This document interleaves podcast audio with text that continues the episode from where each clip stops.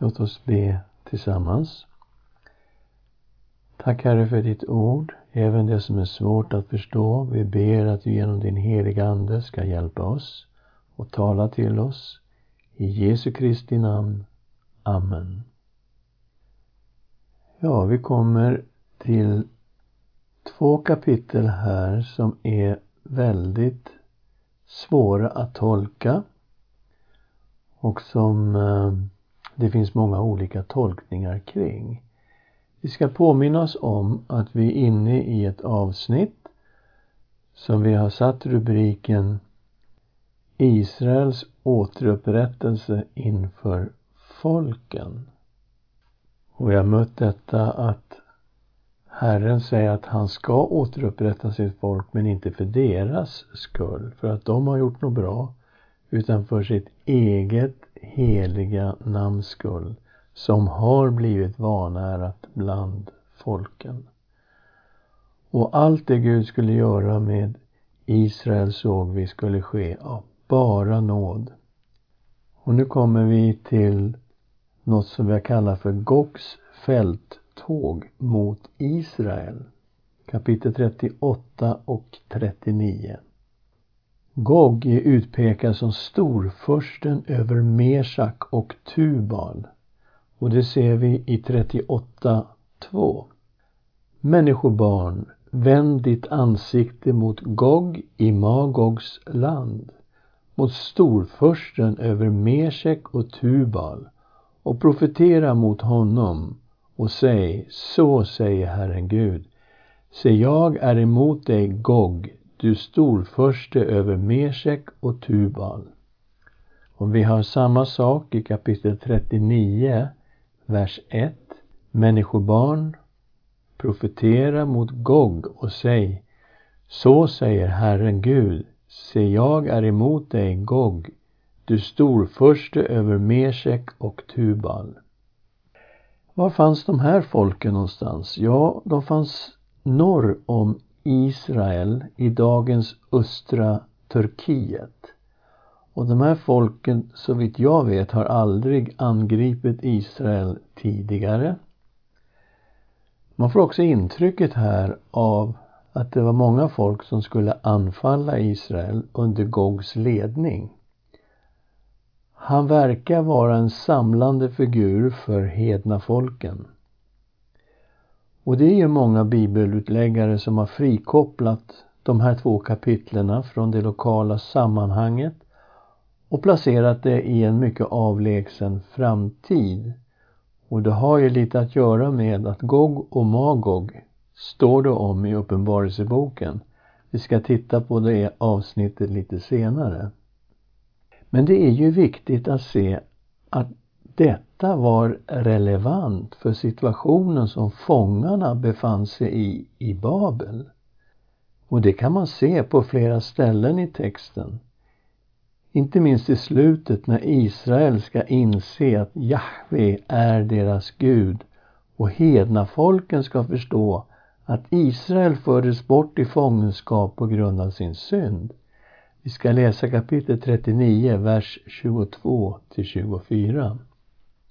Israels folk ska inse att jag är Herren deras Gud från den dagen och för all framtid.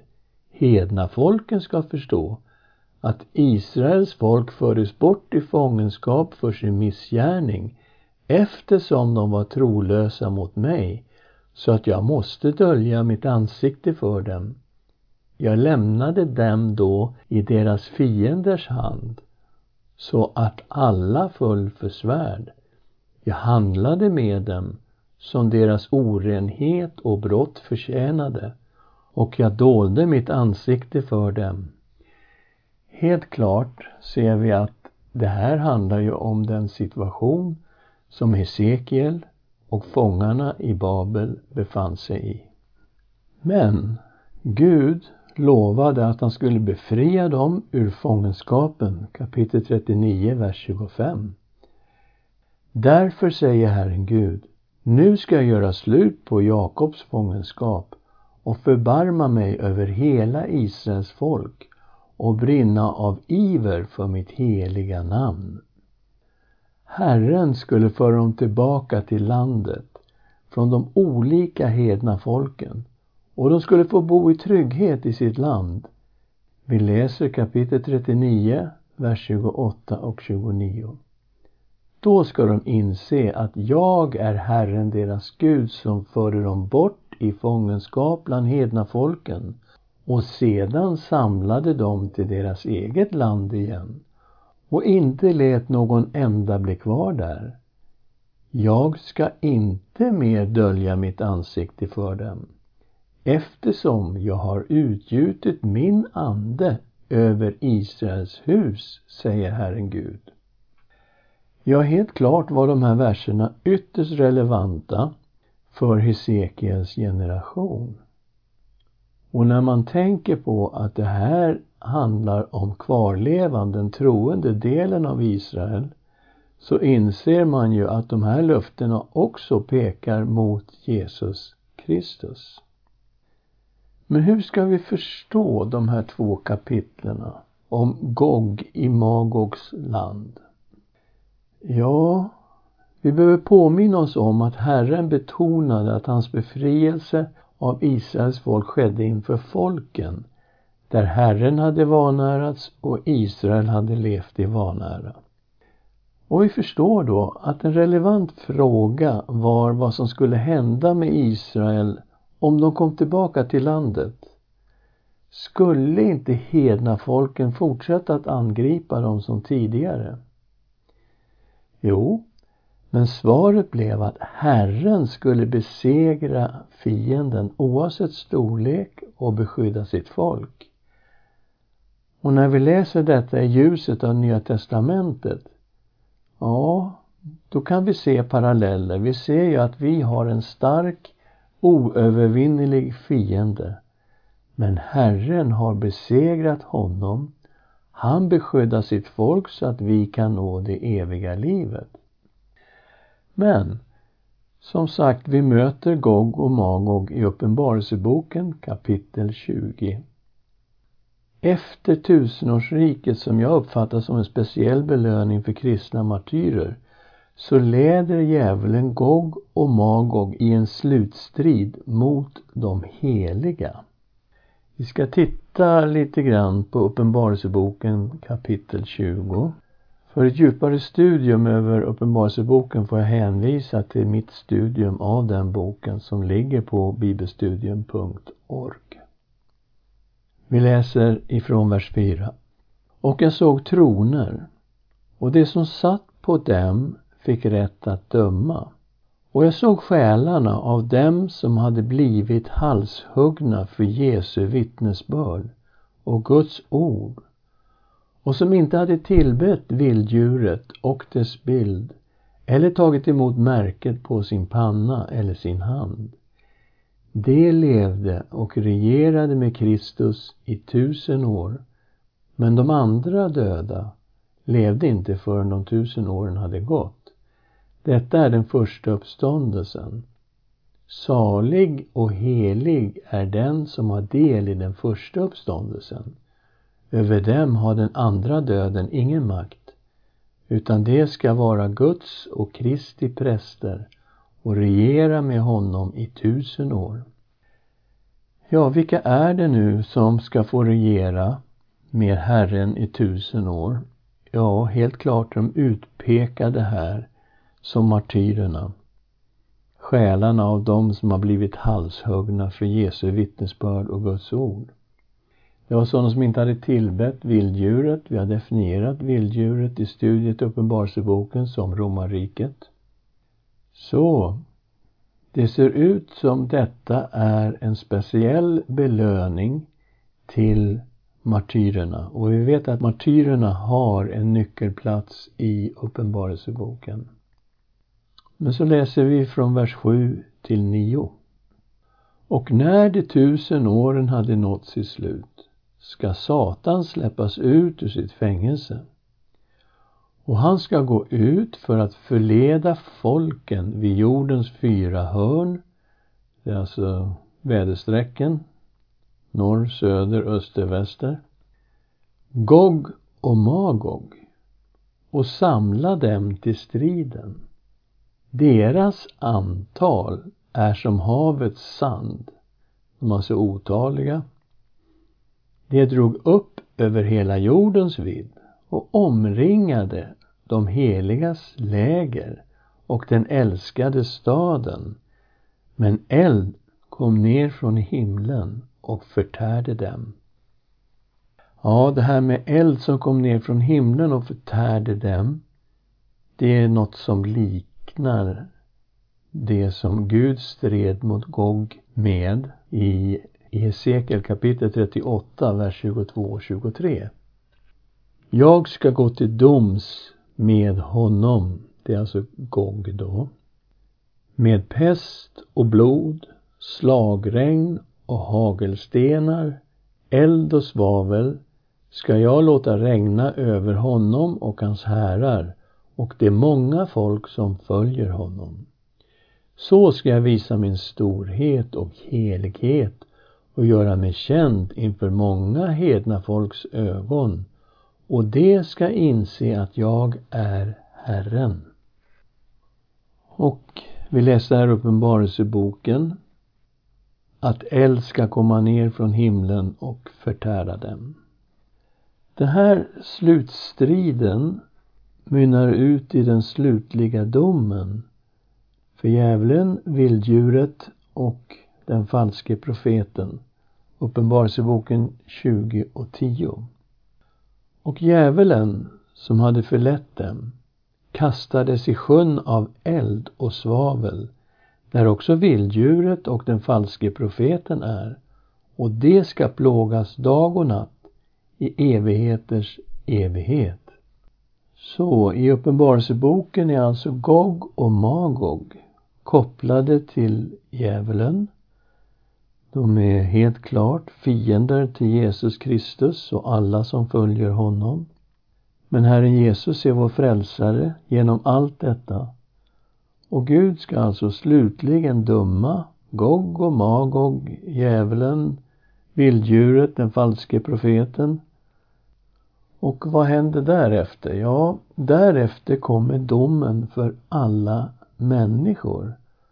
Bara de som är skrivna i Livets bok som tillhör Lammet, alltså Jesus, slipper undan domen och får det eviga livet. Det är Uppenbarelseboken 20, vers 11 till 15. Och jag såg en stor vit tron och honom som satt på den. För hans ansikte flydde jord och himmel och det fanns ingen plats för dem. Och jag såg de döda, stora och små, stå inför tronen och böcker öppnades och ännu en bok öppnades, Livets bok. Och de döda dömdes efter sina gärningar, efter det som står skrivet i böckerna. Och havet gav igen de döda som fanns i det. Och döden och helvetet gav igen de döda som fanns i dem. Och var och en dömdes efter sina gärningar, det står helvetet här, men i Hades alltså dödsriket. Och döden och helvetet kastades i eldsjön. Detta, det vill säga eldsjön, är den andra döden. Och om någon inte fanns skriven i Livets bok kastades han i Älvsjön. Okej, okay, så det var tydligen helt nödvändigt att vara skriven i Livets bok för att slippa kastas i Älvsjön. Vet vi något mer om Livets bok? Ja, vi kan läsa kapitel 21, vers 27. Och här handlar det om de som får vara med i den himmelska staden, det himmelska Jerusalem.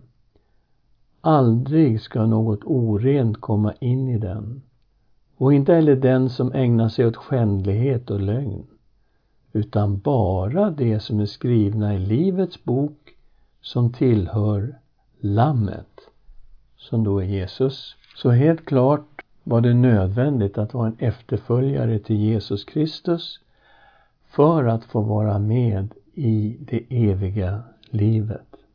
Så vi läste här att Gog och Magog de drog ut i strid emot de heliga. Men vilka är då de heliga som angrips av Gog och Magog?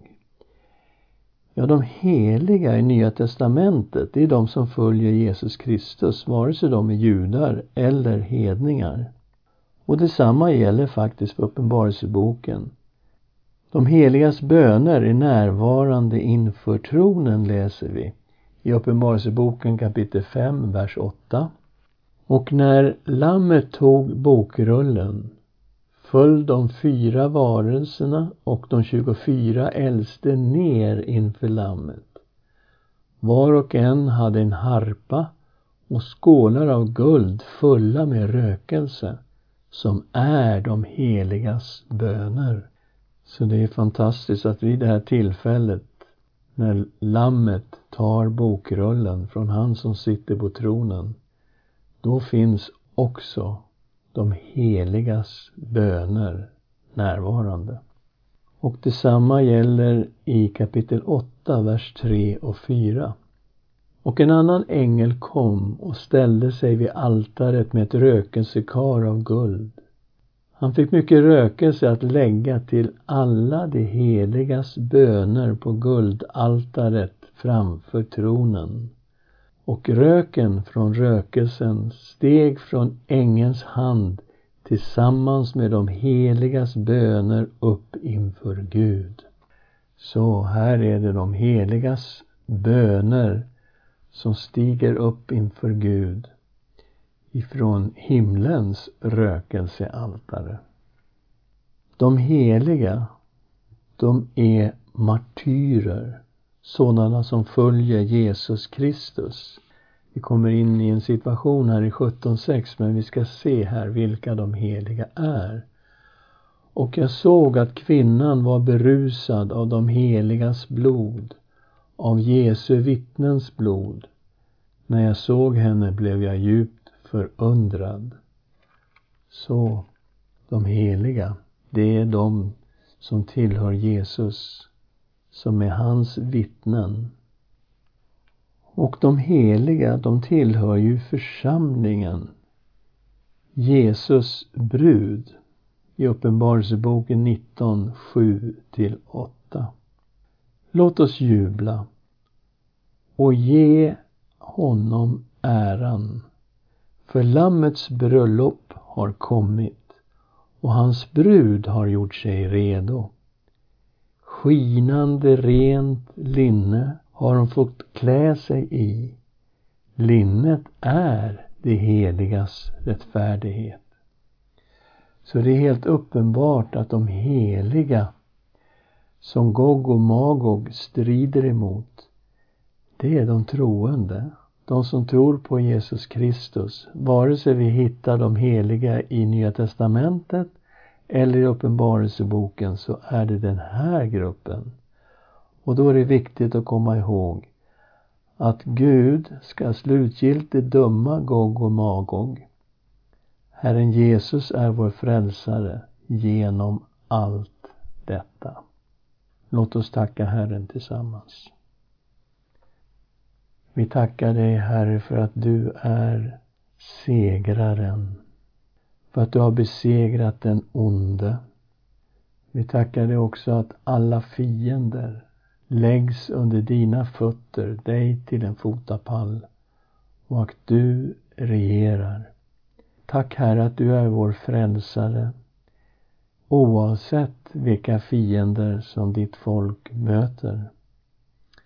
Vi ger dig ära att du också är vår frälsare när det gäller Gog och Magog, oavsett vad det står för. I Jesu Kristi namn.